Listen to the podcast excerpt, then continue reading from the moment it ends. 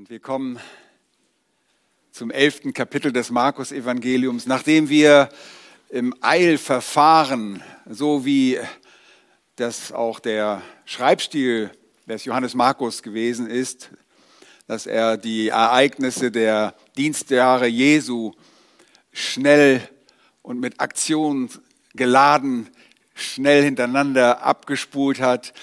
Und äh, es war einfach wunderbar, da über die Schulter des Schreibers zu sehen und zu sehen, wie äh, Jesus selbst in der Zeit sich Jünger zurüstet hat, Jünger berufen hat, die er immer noch im Begriff ist zuzurüsten, um ihn eines Tages zu vertreten, nämlich den Dienst fortzusetzen, den er begonnen hatte. Und es ist einfach wunderbar zu sehen, wie jetzt der Schreiber Johannes Markus immer langsamer wird und mehr ins Detail geht. Und wir kommen zu Kapitel 11 und äh, bei Kapitel 16 sind wir bei, schon bei der Auferstehung, aber die nächsten Kapitel beschreiben alle die Passionswoche. Es trägt sich alles in der letzten Woche des Dienstes unseres Herrn Jesus Christus zu. Bis Kapitel 10 im Eilverfahren die Dienstjahre des Herrn schnell und aktionsgeladen und jetzt langsam geworden. Sehen wir uns die Details an. Und wir wollen den Text aus Markus 11, die Verse 1 bis 11 zunächst lesen.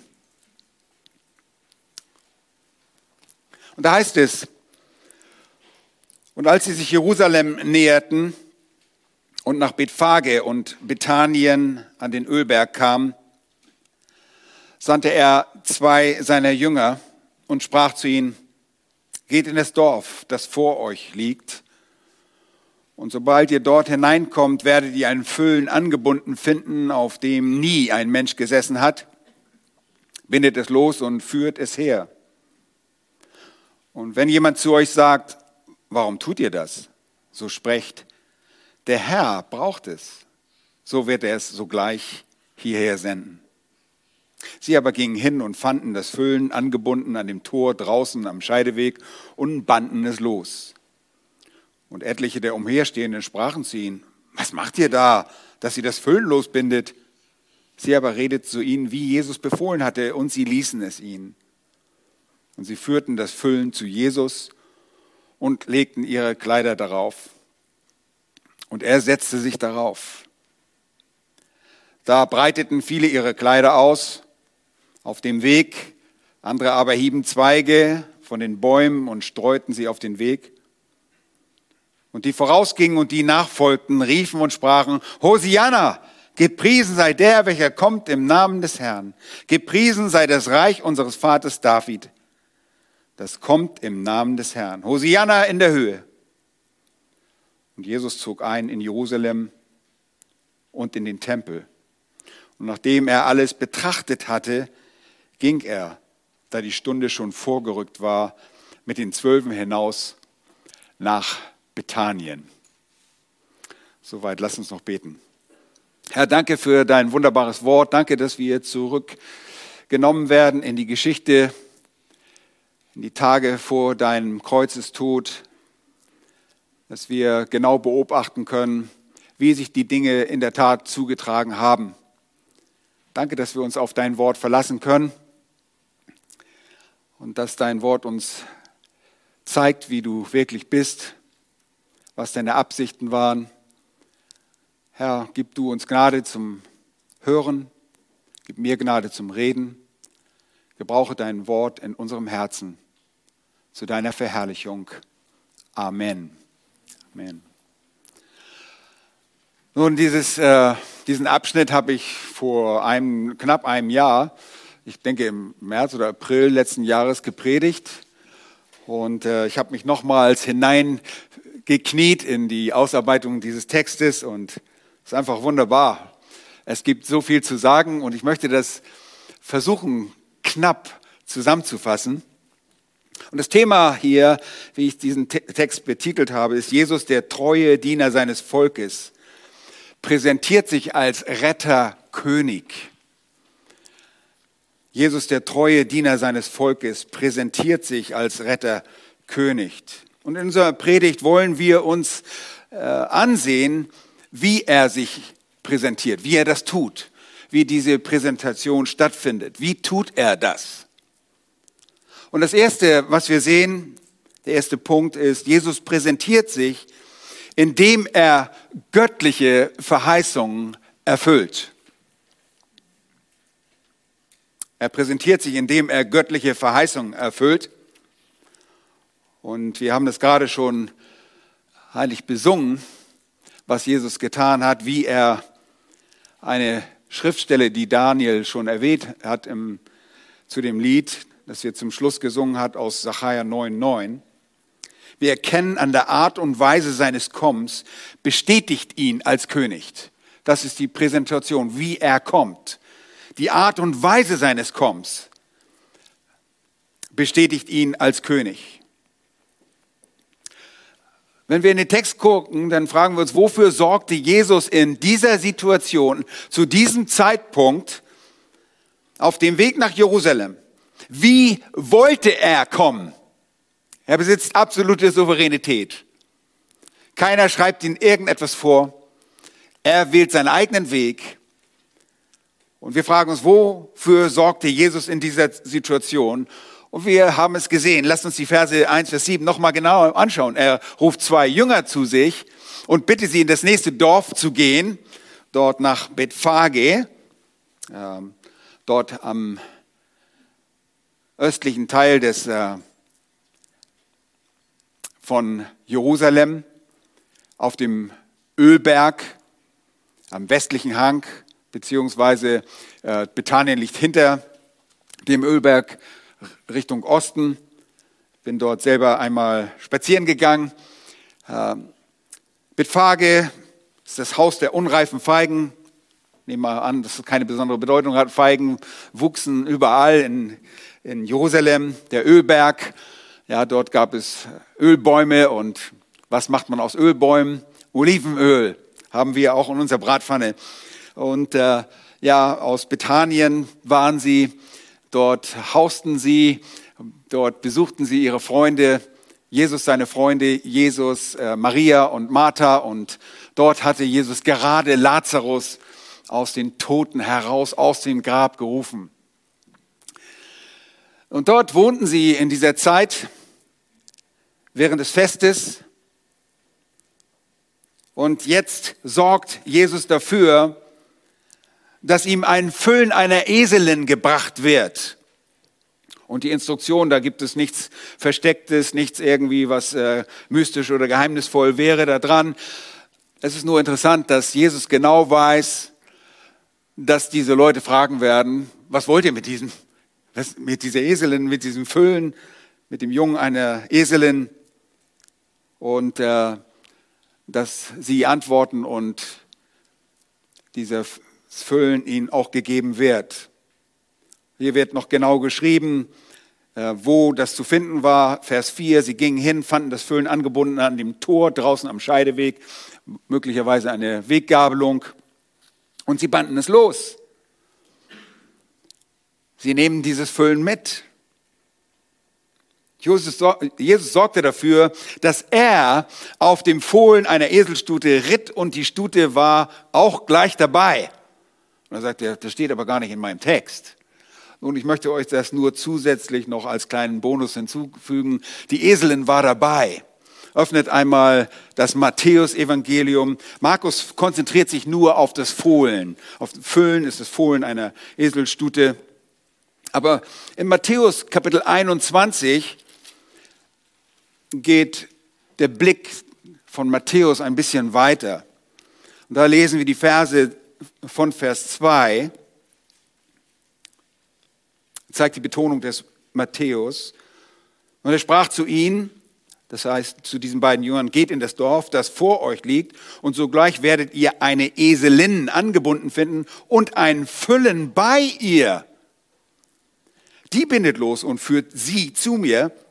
Ähm, was ihr nicht seht, dieses sie ist nicht äh, das Feminine, sondern ist ein ähm, Personalpronomen in der dritten Person Plural. Das heißt, die Eselin und das Füllen. Wenn es euch jemand etwas sagt, so sprecht, der Herr braucht sie, plural, also die beiden, und dann wird er sie, plural, sogleich senden. Das ist aber alles, was geschehen, damit erfüllt werde, was durch den Propheten gesagt ist. Der spricht, und Daniel hat es gerade gesagt, sagt der Tochter Ziehung, siehe, dein König kommt zu dir demütig reitend auf einem Esel, und zwar auf einem Füllen, dem Jungen des Lasttiers.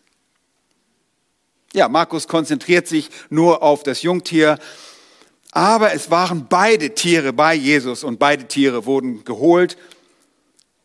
Und ihr Lieben, ein unberittenes Jungtier, das für heilige Zwecke eingesetzt wurde, das nie beritten war, ein unberittenes Jungtier, äh, das ist auch heute noch so, lässt sich manchmal schwer bewegen. Ihr wisst, Esel sind dafür bekannt, dass sie stur sind. Stur wie ein Esel gebrauchen wir manchmal auch noch freundlicherweise gegenüber anderen Leuten. Ja, äh, sie sind auch oft eingeschüchtert, wenn sie in einer Menge und einer Menschenmenge reiten müssen. Und besonders in einer so großen Volksmenge, die so aufgebracht ist, wie es bei Jesus sein würde. Und deshalb musste und sollte wahrscheinlich auch die Mutter dabei sein.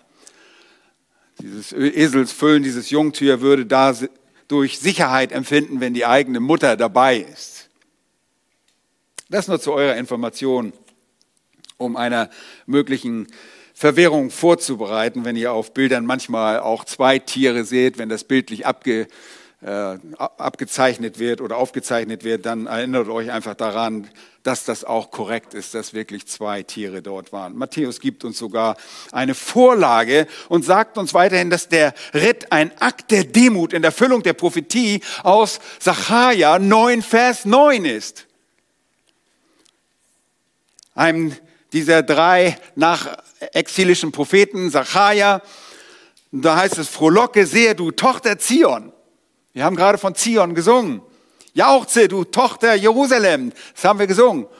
Ihr habt gedacht, wir sind schon wieder fast bei Weihnachten, aber das bezieht sich hier auf diesen Einritt Jesu und auf einen künftigen Einritt nach Jerusalem.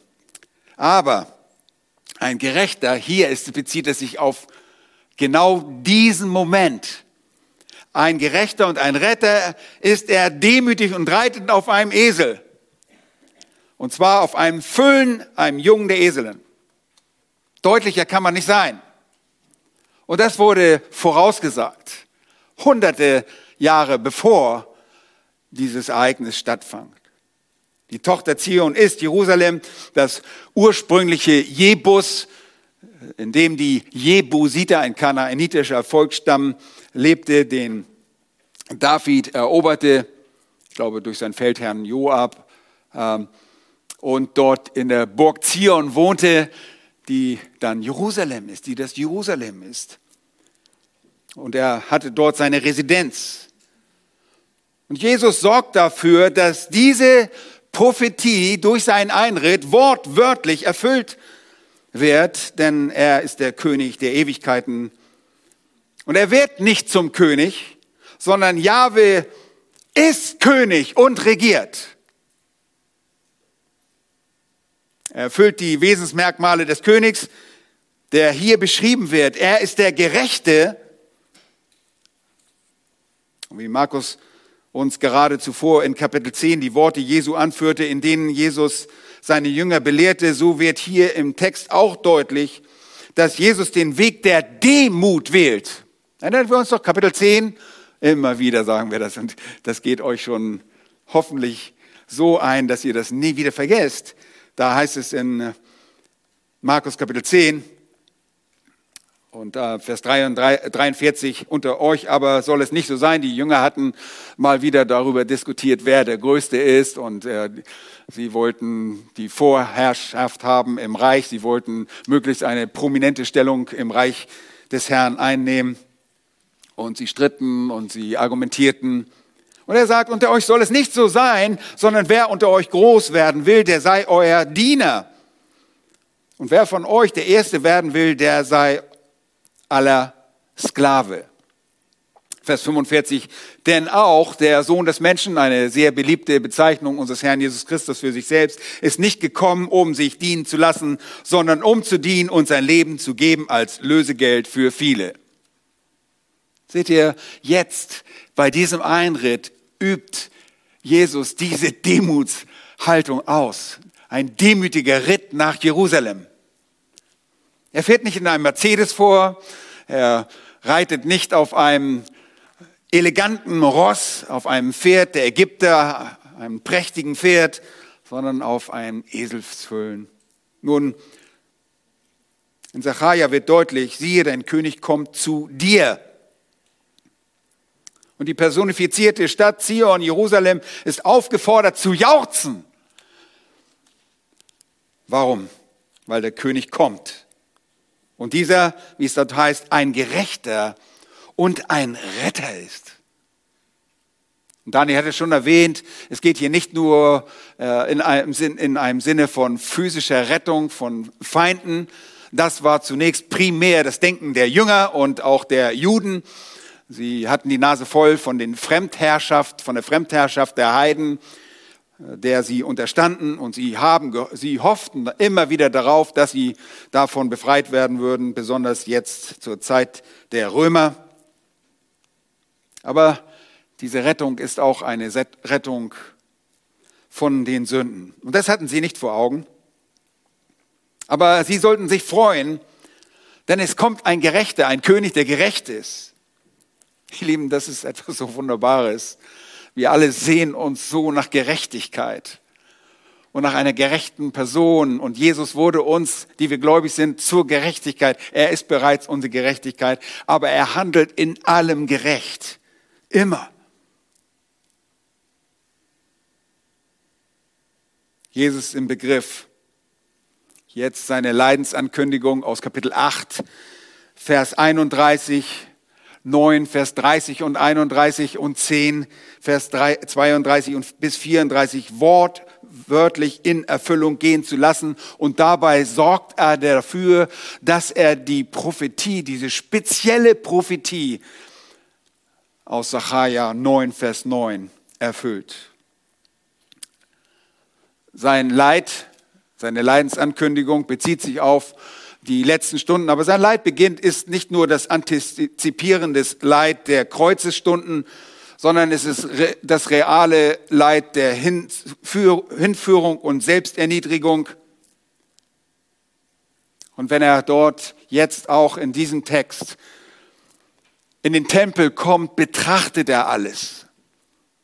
Und wir werden sehen, was das bedeutet. Dieses Betrachten ist das Betrachten der Zustände des Tempels und das bringt ihn in einen riesigen Zorn, das sich am nächsten Tag zeigen wird. Ich komme noch, gehe noch gleich darauf ein. Also als erstes sehen wir, die Art und Weise seines Kommen bestätigt ihn als König. Diese wortwörtliche Erfüllung aus Sacharja 9, Vers 9, wo es deutlich steht und auch ähm, das ist es genau, was auch die, das Volk rief, dass er der König ist. Besonders Johannes Evangelium macht es deutlich, dass sie das auch riefen, dass er der König ist. Zweitens, die Zeit seines Kommens zeigt ihn als Antitypus des Passalammes. Er präsentiert sich als Retterkönig. Wir haben gerade gesehen, dass er sich als König beweist und bestätigt, aber jetzt auch als Retter. Die Zeit seines Kommens zeigt ihn als Antitypus des Passalammes. Nun, ein Typ des Alten Testaments hat immer ein Gegenbild, eine Gegenfigur, ein Antitypus. Das Alte Testament, das Passalam, ist eine Vorschatten von dem, von der Erlösung, die in einem größeren Sinne durch unseren Herrn Jesus Christus geschieht. Johannes der Täufer, erinnert euch, der Vorbereiter des Herrn sagte, als Jesus in seinem Dienst, als er Jesus in seinem Dienst begegnete, siehe das Lamm Gottes, das die Sünde der Welt hinwegnimmt. Johannes 1, 29. Petrus schrieb, den Gläubigen im ersten Petrusbrief, Kapitel 1, Vers 18. Ihr wisst ja, dass ihr nicht mit vergänglichen Dingen, mit Silber oder Gold losgekauft worden seid aus eurem nichtigen Wandel, von den Vätern überlieferten Wandel, sondern mit dem kostbaren Blut des Christus als eines makellosen und unbefleckten Lammes.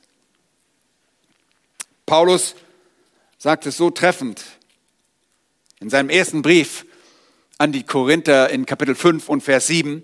Da sagt er, darum fegt den alten Sauerteig aus und nimmt auch Bezug auf die Ereignisse in Ägypten, damit ihr ein neuer, Sauer, äh, neuer Teig seid, da ihr ja ungesäuert seid. Denn unser Passalam ist ja für uns geschlachtet worden. Christus. Erinnert euch, ja, das Passa leitet auch das äh, Fest der ungesäuerten Brote ein, das gefeiert wurde von dem 14. Nisan bis zum 21. Darauf nimmt er Bezug. Christus, unser Passalam. Sie sahen in Jesus den Antitypus des Passalames, die Gegenfigur, auf die das Passalam schon im Alten Testament hinwies. Und dazu möchte ich euch bitten, damit wir steht, wie ich auf, in diesem Text auf das Passalam komme, ähm, euch bitten, in 2. Mose Kapitel 12 aufzuschlagen. Und das Passafest ist vor allen Dingen bei den Juden sehr bekannt. Die Anordnung für das, für das Passafest sehen wir, dass der Herr einen Ort aussuchen würde, an dem Israel angebetet werden sollte, an dem auch äh, die Juden dreimal im Jahr hinreisen sollte. 5. Mose 16, Vers 16 wird es gesagt, an einem Ort, den ich euch zeigen werde, und das ist Jerusalem. In dem Tempel sollte auch das Passa gefeiert werden. Wann? Das lehnt an an die Dinge, die hier gesagt werden. 2. Mose Kapitel 12 und ich lese dort, und Jahwe redete zu Mose Vers 1 und Aaron im Land Ägypten und sprach, dieser Monat soll euch der Anfang der Monate sein. Er soll für euch der erste Monat des Jahres sein. Redet zu der ganzen Gemeinde Israels und sprecht, am zehnten Tag dieses Monats nehme sich jeder Hausvater ein Lamm, ein Lamm für jedes Haus. Wenn aber das Haus zu klein ist für ein Lamm, so nehme er es gemeinsam mit seinem Nachbarn, der am nächsten bei seinem Haus wohnt. Nach der Zahl der Seelen, dabei sollt ihr die Anzahl für das Lamm berechnen, je nachdem jeder zu essen vermag. Okay? Das Lamm sollte vollständig gegessen werden, sollte nichts übrig bleiben. Und äh, wenn wir also nur ein paar Leute haben, die nicht richtig essen können, dann müsste man äh, mit jemand anders das zusammen teilen. Vers 5, dieses Lamm aber soll, jetzt kommt die Beschreibung, makellos sein, männlich und einjährig. Von den Schafen oder Ziegen sollt ihr es nehmen und ihr sollt es aufbewahren bis zum 14. Tag dieses Monats. Und die ganze Versammlung der Gemeinde Israel soll es zur Abendzeit schächten. Schächten ist dies. Ausbluten lassen, anstechen, ausbluten lassen, bis das Herz zu pumpen aufhört. Und sie sollen von dem Blut nehmen und damit die beiden Türpfosten und die Oberschwellen der Häuser bestreichen, in denen sie essen. Und sie sollen das Fleisch in derselben Nacht essen, am Feuer gebraten mit ungesäuertem Brot. Mit bitteren Kräutern sollen sie es essen. Ihr sollt nichts davon roh essen, auch nicht im Wasser gekocht, sondern am Feuer gebraten. Sein Haupt soll samt seinen Schenkeln und den inneren Teilen. Und ihr sollt nichts davon übrig lassen bis zum anderen Morgen. Wenn aber etwas davon übrig bleibt bis zum Morgen, so sollt ihr es mit Feuer verbrennen. So sollt ihr es aber essen, eure Lenden umgürtet, eure Schuhe an den Füßen und eure Stäbe in euren Händen und in Eile sollt ihr es essen. Es ist das Passa Jahwes.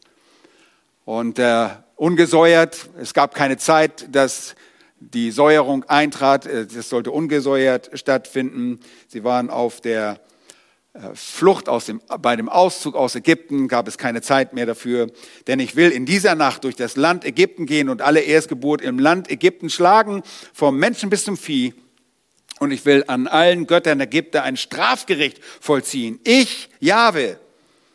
Und das Blut soll euch zum Zeichen dienen an euren Häusern, in denen ihr seid.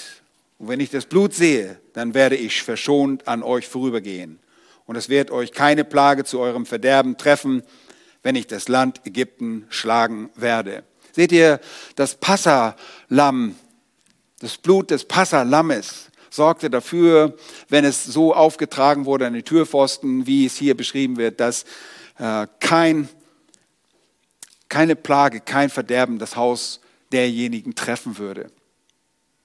So bekommt, wird dieses Passalam ein Typus für unseren Herrn Jesus Christus, der Errettung erwirkt. Nun, wie kommen wir in diesem Text dazu? Ähm, was hat es mit diesem Text zu tun?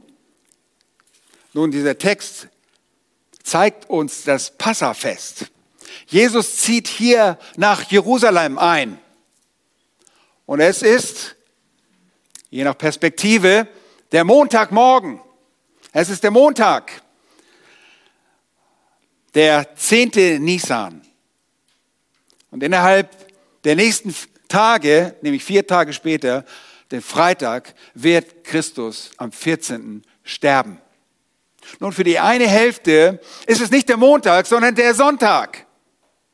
Denn es gab zwei unterschiedliche Kalender, zwei unterschiedliche Zeitrechnungen.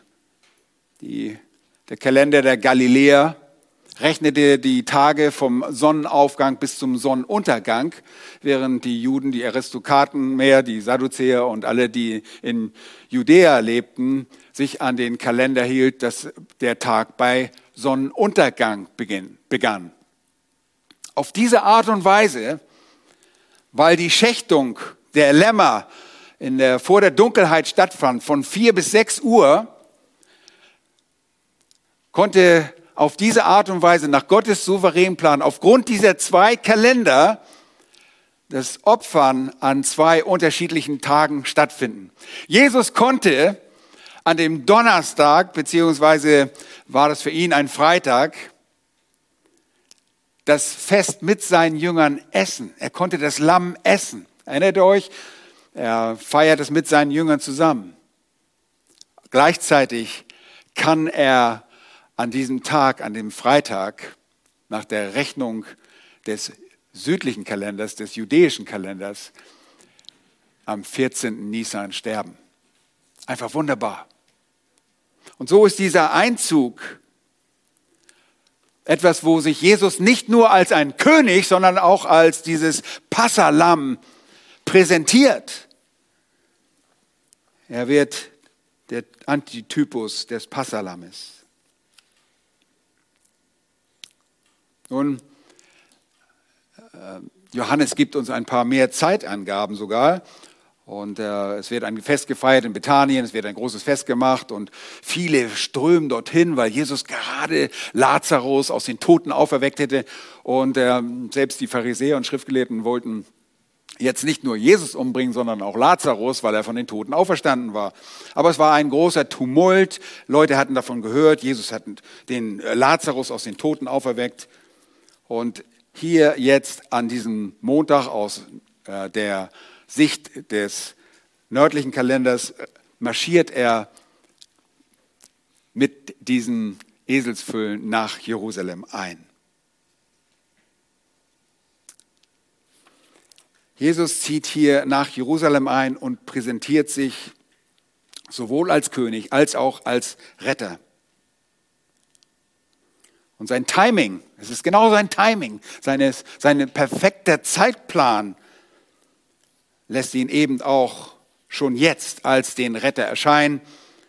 Er erfüllt genau diese Daten, den 10. Nisan, dann, wenn der Hausherr ein, ein Lamm auswählen würde. Und in dieser Zeit wurde dieses Lamm inspiziert und äh, bevor es geschächtet wurde, wurde es auch noch äh, untersucht von priesterlicher Seite.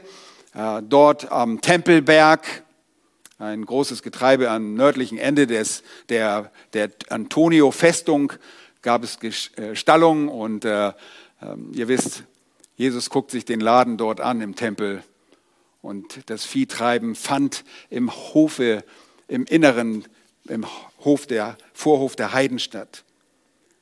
Und äh, einen Tag später, als er sich das nämlich anguckt, treibt er dort die Händler aus und schmeißt wieder die Tische der Wechsler um, ein zweites Mal, einmal zu Beginn seines Dienstes und einmal jetzt vor seinem Tode.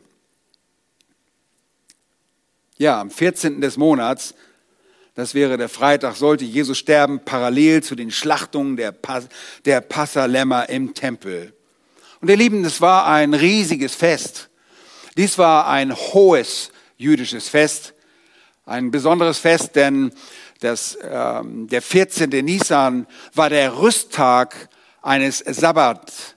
Das heißt, für den Sabbat bereitete man sich immer einen Tag vorher vor, das ist der Rüsttag, aber der 14. war jetzt der Tag, an dem geschlachtet werde, wurde und deshalb war es ein hoher Festtag. Und zu diesen hohen Festtagen, so wird uns aus säkularer äh, Stelle berichtet, reisten viele, viele Menschen aus der ganzen Diaspora Juden an, um eben den Aufforderungen des Herrn nachzukommen. Josephus erwähnt eine Zahl von drei Millionen, drei Millionen Juden. Ihr könnt euch das vorstellen, die, die Grenzen Jerusalems wurden um drei Kilometer erweitert, weil es, äh, die Juden sollten in dieser Zeit in Jerusalem wohnen. Und so war selbst Bethanien Teil äh, Jerusalems. Äh, man sagt, dass äh, etwa eine Viertelmillion Lämmer geschlachtet wurden. In einem Zeitraum der Dämmerung von vier, vielleicht von drei bis fünf Uhr. Um sechs musste alles gelaufen sein, da war es dunkel. Es ist immer relativ gleichmäßig dort, äh, der Sonnenuntergang. Aber ihr könnt euch vorstellen, in dieser kurzen Zeit 250.000 äh, Lämmer zu schlachten, das ist schon ein riesiges Unterfangen. Aber durch die Vorhersehung Gottes, dieser zwei unterschiedlichen Kalender, wurde das auf zwei Tage verteilt. Und das teilte sich fast 50 zu 50 auf. Man nimmt an, dass die Bevölkerung im Norden der umliegenden äh, Gegenden in Galiläa den von äh, der Bevölkerung von Jerusalem etwa gleichte. Und so wurden diese Schlachtung an zwei Tagen vorgenommen und Jesus konnte beides erfüllen. Er konnte das Passafest feiern, das Passalamm essen mit seinen Jüngern und gleichzeitig an dem Tag auch sterben. Ja, nicht nur bestätigt die Art und Weise seines Kommens Jesus als König, und nicht nur zeigt der Zeitplan für den Einzug nach Jerusalem Jesus als Antitypus des Passalammes, sondern der ihm entgegengebrachte Lobpreis aus den Versen 9 und 10. Er erweist sich als offenbarend angemessen, wenngleich er auch in diesem Zeitpunkt in der Geschichte sehr fadenscheinig im Sinne von nicht sehr glaubhaft ist, wenn wir uns die Lobpreisenden ansehen. Dort lesen wir, Schaut mal, Vers 9. Und die vorausgingen und die nachfolgten. Es gab also eine große Volksmenge um Jesus herum. Es gingen welche voraus, es folgten welche nach, und sie riefen und sprachen, Hosianna, gepriesen sei der, welcher kommt im Namen des Herrn, gepriesen sei das Reich unseres Vaters David, das kommt im Namen des Herrn, Hosianna in der Höhe. Johannes in seinem Evangelium zeigt uns, dass sie auch erkannten, dass er der König ist. Johannes 12, Vers 13, da heißt es, sie nahmen die Palmzweige, gingen hinaus ihm entgegen und riefen, Hosianna, gepriesen sei der, welcher kommt im Namen des Herrn, der König von Israel. Die sagen also, oh, okay, wir erkennen, das ist der König von Israel. Der Lobpreis anlässlich seines Kommens, ist also offenbarend, äh, er ist angemessen aber von dieser Gruppe der Lobpreisenden eher schein, fadenscheinig. Die Worte, die das Volk ausruft, stammen aus Psalm 118, ein Lied aus dem ägyptischen Hallel. Und äh, dort die Verse 25 und 26, da heißt es, ach Jahwe, hilf, das ist das Wort Hosianna, bedeutet eigentlich, ach, Jahwe, hilf. Und es wird zu einem Lobpreis. Später, es entwickelt sich mehr oder weniger zu einem Lobpreis. Hosianna, Halleluja, so ähnlich. Leute denken auch nicht, Preis den Herrn bedeutet das. Und Hosianna bekommt, wird auch ein Lobpreis. Jahwe, lass es wohl gelingen, lass es jetzt wohl gelingen. Das ist eigentlich das, was sie sagen. Vers 26, gepriesen sei der, welcher kommt im Namen Jahwes. Wir segnen euch vom Haus Jahwe aus. Und diese diese Worte sind durchaus angemessen. Denn hier kommt jemand im Namen Jahwes, hier kommt Jahwe selbst, denn Jesus ist Jahwe. Er ist der dreieine Gott. Und äh, wenn wir weiter in Sacharja ins 14. Kapitel gehen, dann sehen wir, dass Jahwe wiederkommen wird und seine Füße werden auf dem Ölberg stehen. Wer ist dieser Jahwe? Das ist Jesus Christus, wahrer Gott und wahrer Mensch. Und diese Worte sind so angemessen, denn sie konstituieren einen Hilferuf, der an die richtige Adresse geht. Ein Hosianna, das letztlich in der Geschichte sich zu einem Lobpreis entwickelt. Und hier ist der Retter, König, Jesus, Jahwe Gott im Fleisch, als wahrer Mensch und wahrer Gott. Und die Anrede, der Hilferuf, der entstandene Lobpreis ist korrekt und durchaus angemessen. Niemand sonst könnte so trefflich angerufen und gepriesen werden als der Herr, Jahwe, das fleischgewordene Wort selbst, der fleischgewordene Gott. Niemand von diesen drei Millionen Besuchern Jerusalems hätte so angesprochen werden können als Jesus Christus allein. Und wie Vers 10 offenbart, so drückt dieser Lobpreis einen kommenden Sachverhalt präzise aus heißt es, gepriesen sei das Reich unseres Vaters David. Das kommt. Das kommt im Namen des Herrn. Hosianna in der Höhe. Und sie, nochmals, sie verbanden das Kommen Jesu korrekt mit dem Reich Davids, dem ewigen Reich, das verheißen wurde. David wurde ein Reich verheißen nachzulesen, 2 Samuel 7. Ähm, Ethan, der Esrachiter, dieser weise Mann und Sänger, schreibt auch davon in Psalm 89 von diesem Bundnis, das Gott mit David macht, der ihm eine ewige Dynastie verspricht und ein Königreich, das kommen wird, dass sein Thron auf ewig bestehen wird. Und wir erinnern uns nur am Ende von Kapitel 10, als Jesus auf dem Weg nach Jerusalem ist, in Jericho identifizierte Bartimäus, der Blinde am Ende von Markus 10, Jesus korrekt als den Sohn Davids. Das, was die Pharisäer, die Schriftgelehrten, die Sadduzäer nicht verstanden, das verstand der blinde Bartimäus. Er ist ein Nachkomme Davids, der den Thron seines Vaters David auf David auf Ewigkeit besteigen wird. Alles war zutreffend, aber das Timing des Volkes war dabei unangemessen, denn sie hatten sich innerlich nicht auf den kommenden König vorbereitet. Sie erwarteten einen triumphalen Einzug nach Jerusalem, eine Intronisation. Sie erwarteten, dass jetzt seine Herrschaft mit Macht angetreten werden würde. Sie erkennen nicht ihre eigene Seelennot. Sie erkennen nicht die Notwendigkeit für den leidenden Messias. Meint ihr, sie verstanden wirklich, dass er, der Sohn Davids, vor ihnen beziehungsweise hinter ihnen nach Jerusalem in die Stadt Davids, das heilige Zion zog? Waren sie nicht viel mehr davon angetan, was dieser König in den Tagen seines Wirkens vollbrachte? Hatten sie nicht gerade beobachtet, dass er den toten Lazarus aus seinem Grab herausrief? Erinnert euch noch, wie man Jesus schon zuvor zum König machen wollte bei der Speisung der 5000? Oh, ihre Bequemlichkeit die hätte das gewünscht, dass sie so einen König haben könnten. Ja, wie bei der Speisung der 5000 um ihr Wohl sorgen könnte, statt der Sünde ein Ende zu bereiten. und sie aus der Not ihrer großen Sündhaftigkeit zu befreien. Und das sehen sie nicht. Warum richte ich so hart über diese Leute? Weil ich nur ein paar Tage weiter nach vorne blicke und dieses Volk beobachte. Und was sagen sie dort? Sie kippen vollkommen um.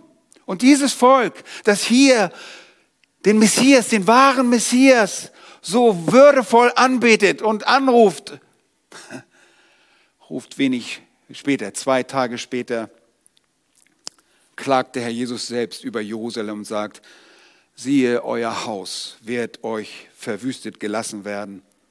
Denn ich sage euch, ihr werdet mich von jetzt an nicht mehr sehen, bis ihr sprechen werdet. Gepriesen sei der, welcher kommt im Namen des Herrn. Haben Sie das nicht gerade getan? Doch, haben Sie getan, aber mit der falschen Einstellung. Wenige Tage später rufen Sie, die Sie ihn gepriesen haben, kreuzige ihn und fordern sein Tod. Aber in Matthäus 23, das war, was ich gerade zitiert habe, wo Jesus sagt, ihr werdet mich von jetzt an nicht mehr sehen, bis ihr sprechen werdet, gepriesen sei der, welcher kommt im Namen des Herrn.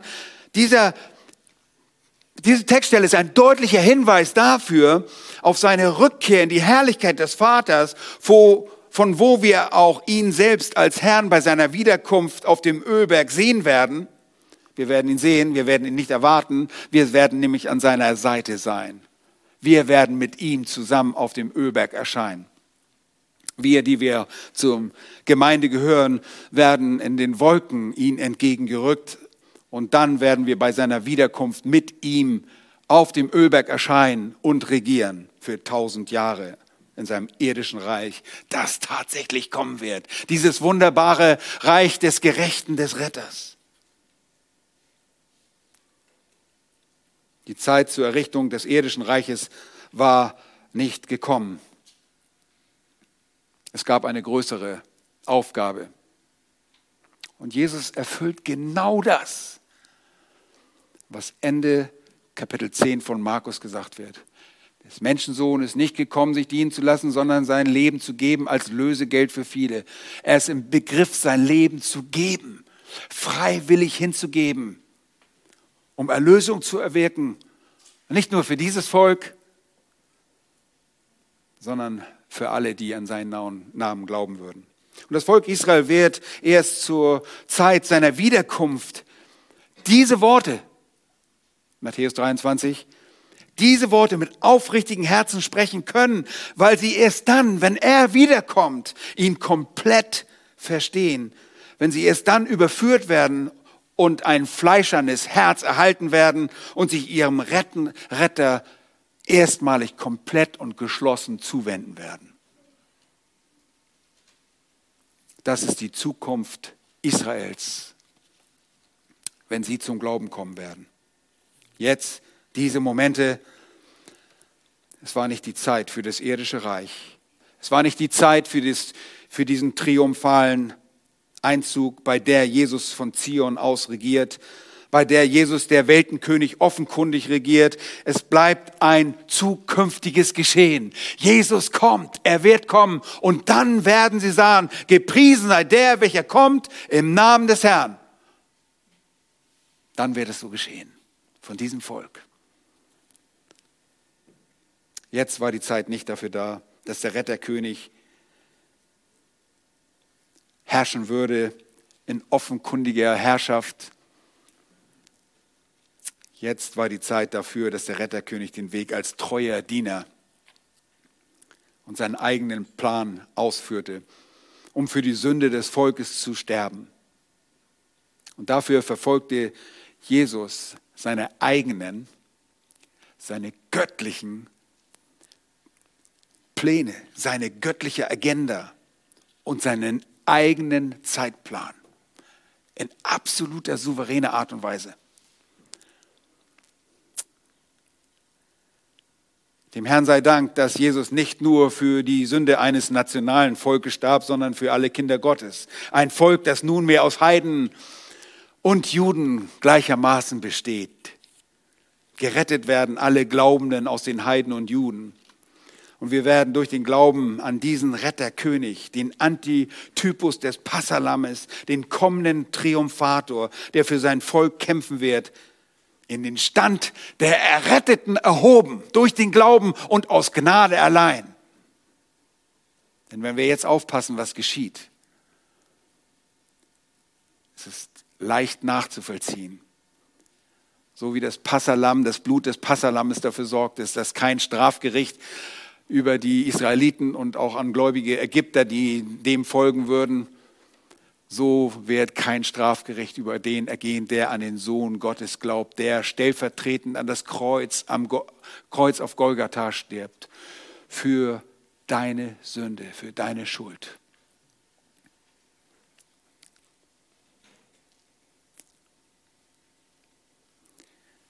Nun, Jesus präsentiert sich außerdem, indem er zweitens souverän den göttlichen Weg beschreitet. Er präsentiert sich, indem er souverän den göttlichen Weg beschreitet.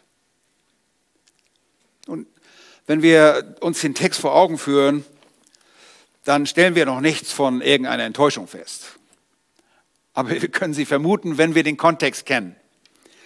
Vers 11, nochmals in diesem Text, Kapitel 11, Vers 11, heißt es, und Jesus zog ein in Jerusalem. Keine Fanfaren, kein geschmückter Teppich im Tempel, keine Intronisation. Er geht in den Tempel, einfach ganz nüchtern berichtet. Und dann heißt es, nachdem er alles betrachtet hatte, ging er. Keine Feier, keine Party für einen König. Nichts. Er geht wieder. Wo geht er hin? Er geht zurück nach Bethanien. Er geht seinen Weg. Er geht nicht den Weg seiner Jünger. Er geht nicht den Weg dieses Volkes. Er geht genau den Weg, den er souverän vorgesehen hat. Erwartungen gehen leer aus, die mit Erwartungen gehen leer aus. Er kehrt zurück nach Bethanien. Die Intronisation bleibt aus. Stattdessen sieht sich Jesus um. Und wie sich aus dem Zusammenhang sehr wohl ergibt, ist er voller Zorn. Denn am nächsten Tag kommt er und räumt ein zweites Mal den Tempelbereich auf. Und zu Beginn seines Dienstes tat er das, ich habe euch das schon vorhin gesagt, und in dieser Passionswoche sollte er das wiederholen. Und das illusionierte Volk braucht nur ein paar Tage und es wendet sich komplett gegen den wahrhaftigen König der Könige und schreit, kreuzige ihn. Und sein Leidensweg geht Jesus demütig und dient. Demütig und dient um der Wahrhaftigkeit Gottes willen. Paulus erwähnt es einmal, dass er ein Diener der Beschneidung ist, der Juden in Römer Kapitel 15, um der Wahrhaftigkeit Gottes willen, um der Väter willen, um der Verheißung willen.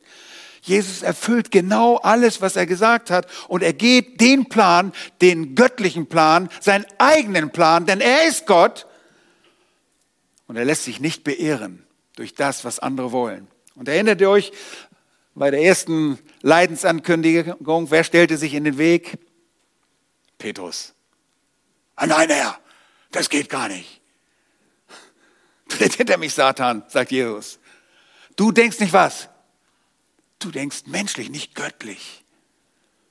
Hier ist Jesus mit seinem göttlichen Erlösungsplan und diesen Weg geht er demütig und dienend, gleichzeitig als ein Vorbild für seine Jünger die diesen Weg auch lernen sollten, den wir lernen müssen, denn wir sind seine Jünger. Wir müssen von ihm lernen. Manchmal denken wir, haben andere Dinge verdient. Wir müssten doch ja, viel mehr im Vordergrund, im Rampenlicht stehen oder sonst irgendwas. Wisst ihr was? Der unterste Weg ist unser Weg. Das war der Weg unseres Herrn Jesus Christus. Dienend, ohne Pomp, nicht aufgetakelt, nicht frisiert und hübsch gemacht, in einer Staatskarosse, sondern auf einem Esel füllen. Wie schon aus Sacharja 9 hervorgeht, so ist der Weg, den Jesus beschreitet, ein Demutsweg. Und er tat es mit derselben Haltung, die ihn bei der Fleischwerdung auszeichnete, als ihn die Gestalt eines Sklave, als er die Gestalt eines Sklavens angenommen hatte und die Herrlichkeit des Vaters beiseite ließ und verließ, um auf die Erde zu kommen. Allein das, diese Vorstellung. Ich glaube, keiner von uns möchte je wieder zurück aus der Herrlichkeit, wenn wir erstmal da sind. Ich muss immer darüber nachdenken, äh, als Lazarus starb. Er roch ja schon, er war ja schon ein paar Tage tot. Der muss schon die Herrlichkeit gesehen haben. Und dann hört er seine, die Stimme des Herrn. Lazarus, komm raus! Oh, zurück aus der Herrlichkeit in diese Welt zurück. Aber der Herr hatte ihn gerufen und er wollte seinem Herrn gefallen. Ja, mit dieser demütigen Haltung ging unser Herr Jesus Christus diesen Weg nach Jerusalem. Und er muss alle äh, Erwartungen enttäuschen. Und er tat es um die Errettung, um erlösungsbedürftige Menschen, für die Errettung erlösungsbedürftige Menschen zu erwirken. Und das sind wir alle. Ihr Lieben, wir können so dankbar sein, dass der Herr daran festgehalten hat. Und wir sehen das auch im Markus Evangelium, wir sehen das in, in der Versuchung äh, Jesu. Er wird mehrmals versucht auch, von diesem Weg abzukommen, aber er geht schnurstracks seinen Weg, seine Agenda. Er präsentiert sich, indem er souverän den göttlichen Weg beschreitet. Und er setzt sich dabei auf dieses Eselfüllen. Meine Güte, der König der Könige setzt sich auf einen Esel. Das ist der Hammer. Und du magst dich nicht mal in Trabi setzen.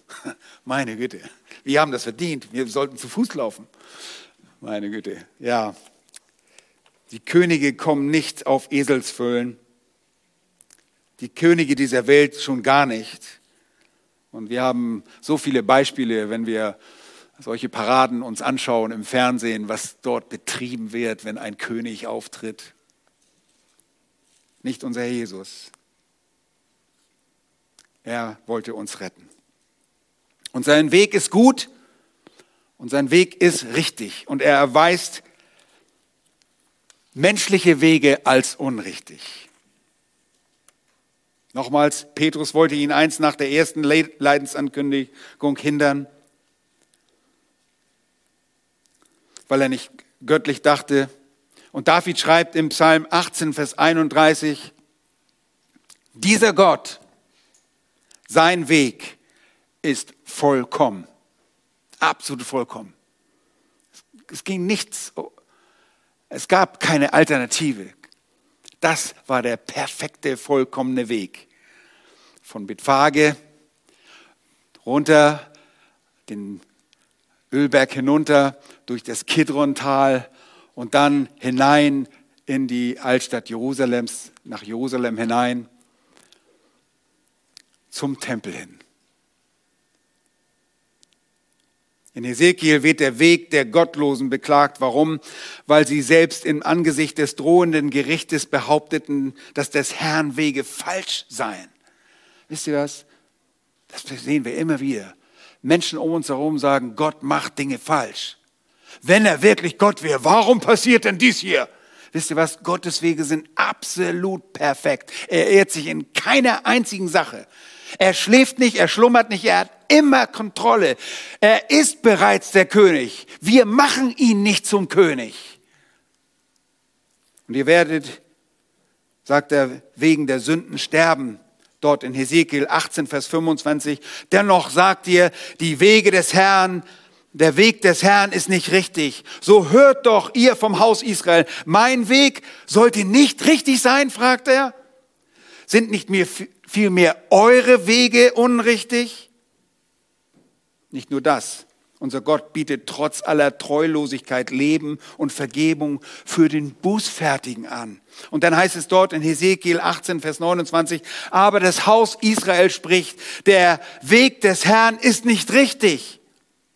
Und Jahwe sagt wieder, sollten meine Wege nicht richtig sein, Haus Israel? Sind nicht vielmehr eure Wege unrichtig? Lieben, Jesus geht hier den richtigen Weg. Rein menschlich betrachtet würden wir sagen, was? Der Schöpfer der Welt geht diesen Demutsweg? Das ist nicht normal. Doch, das ist göttlich. Und deshalb sind wir an dieses Wort gebunden, an dieses göttliche Wort, weil wir sind ohne dieses Wort so verloren. Wir wissen weder, was richtig ist, noch was verkehrt ist. Und die Menschen in unserer Welt sind so durcheinander. Wir leben in einer Gesellschaft, die sind völlig durcheinander. Die wissen nicht, was richtig ist. Preis den Herrn. Er ging den richtigen Weg und davon können wir einfach lernen.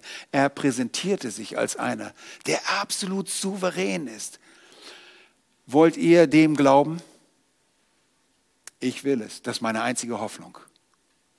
Und wenn einige Dinge von, von dem, was, was die Schrift sagt, nicht so verständlich sind, dann liegt das an mir, nicht an der Bibel. Die Bibel ist perfekt. Seine Wege sind perfekt. Und ich möchte euch einfach dazu aufrufen, dem Herrn zu vertrauen, in allem, in allem. Sieh deine eigenen Fehler. Wir sind Versager. Wir sind Versager. Deshalb brauchen wir den Erlöser. Und deshalb ging Jesus an das Kreuz. Und dort stirbt der Gerechte, denn der Gerechte hat unsere Schuld getragen. Gott muss Sünde strafen. Gott ist gerecht. So wie man von einem gerechten Richter Verurteilung des Sünders erwartet, des Übertreters, des Gesetzesbrüchigen, so erwartet man, dass Gott den Sünder richtet. Und das muss er tun. Und so richtete er seinen Sohn und er ist im Begriff, dorthin zu gehen, auf dem richtigen Weg nach Jerusalem. Nicht zur Intronisation, nicht um zu herrschen, sich bedienen zu lassen, sondern sein Leben zu geben als Lösegeld. Glaubst du das? Vertraue ihm. Glaube das und folge ihm. Dann bist du ein Jünger Jesu. Und er wird für dich sorgen. Egal was die Umstände sind in unserem Leben hier und jetzt. Egal, was für Leid wir erfahren. Wir haben in unseren Bibelstunden auch über das, die Verfolgung der Gemeinde. Es kann sein, dass wir verfolgt werden. Aber wisst ihr was? Am Ende kommt der Gerechte. Und wer ist der Gerechte, haben wir hier gelernt? Das ist unser Herr. Der König, der Demütige wird als Triumphator kommen. Und wenn wir in die Bibel hineinschauen, in die Zukunft blicken dürfen, zum Beispiel in Offenbarung 19, dann sehen wir, dass er kommen wird in Macht und Herrlichkeit. Und wir werden an seiner Seite sein. Und dann ist es nicht mehr so, ach, der arme Borchmann, dieser Blödmann, was glaubt er da an seinen komischen Gott? Sondern dann sehen sie uns an der Seite des ewigen Königs. Und dazu möchte ich euch ermutigen, durch diesen Text an Jesus Christus zu glauben, ihm zu vertrauen, ihm neu euer Vertrauen auszusprechen und ihm zu folgen. Lass uns beten. Herr, wir danken dir von ganzem Herzen, dass du den Weg für deine Jünger und auch für uns vorgezeichnet hast in deinem demütigen Einzug, reitend auf einem Eselfüllen nach Jerusalem, in all dem, was du getan hast, in dem Waschen der Füße deiner Jünger, Herr, hast du dich erwiesen als derjenige, der dient. Du bist nicht gekommen, dich bedienen zu lassen, Herr, obwohl wir dir dienen wollen und du dich auch bedienen lässt, obwohl du es niemals nötig hast. Du bist derjenige, der alles macht. Du hast es nicht mal nötig, von Menschenhänden bedient zu werden. Du wohnst auch nicht in Tempeln, die von Menschenhänden gemacht worden sind. Du bist derjenige, der alles durchdringt. Du bist allgegenwärtig. Du hast Wohnung genommen in unseren Herzen als solche, die wir an dich glauben. Wir vertrauen dir, dass dein Wort die Wahrheit ist. Herr, du hast dein Wort als ähm, solches erfüllt, nicht nur in der Hinsicht, dass du auf einem Eselsfüllen geritten bist, in so vieler Hinsicht hast du alle alttestamentlichen Verheißungen erfüllt. Alles, was auf dich deutete, ist in dir wahr geworden. Danke, dass wir das erkennen dürfen. Danke für dein zuverlässiges Wort. Und ich bete einfach, dass du dich verherrlichst dass du groß wärst durch uns, weil wir dir glauben. Herr, wir wissen, dein wunderbares Reich, es wird kommen. Ein Reich, das regiert wird von einem gerechten König. Wo es keine Versicherung mehr geben muss, wo es keine Schlösser mehr geben muss, im Sinne, dass wir Türen abschließen müssen, weil wir Angst haben müssen, dass wir bestohlen werden, Herr, dass wir über den Tisch gezogen werden, betrogen werden. Herr, du bist unsere Gerechtigkeit und du wirst in Gerechtigkeit herrschen. Und wir werden dich anbeten in alle Ewigkeit. Herr, wir werden unser Lob zu dir bringen, direkt nach Jerusalem und alle Nationen werden zu dir kommen. Herr, wir sehen uns nach, diese, nach dieser Zeit, der Zeit deines Reiches hier auf Erden, das ein ewiges Reich ist und in die Ewigkeit übergeht. Danke dafür, dass das die Wahrheit ist. Du bist der, der kommt. Und deshalb ist für Jerusalem die Freude das einzig wahre, das einzig wahre Verhalten ist, sich zu freuen und zu jauchzen, denn du wirst kommen. Danke für diesen Text. Wir geben dir die Ehre dafür und bitten, dass du auch die Wahrheiten uns mehr und mehr deutlich machst in unserem persönlichen Leben, um deines Namens willen. Amen.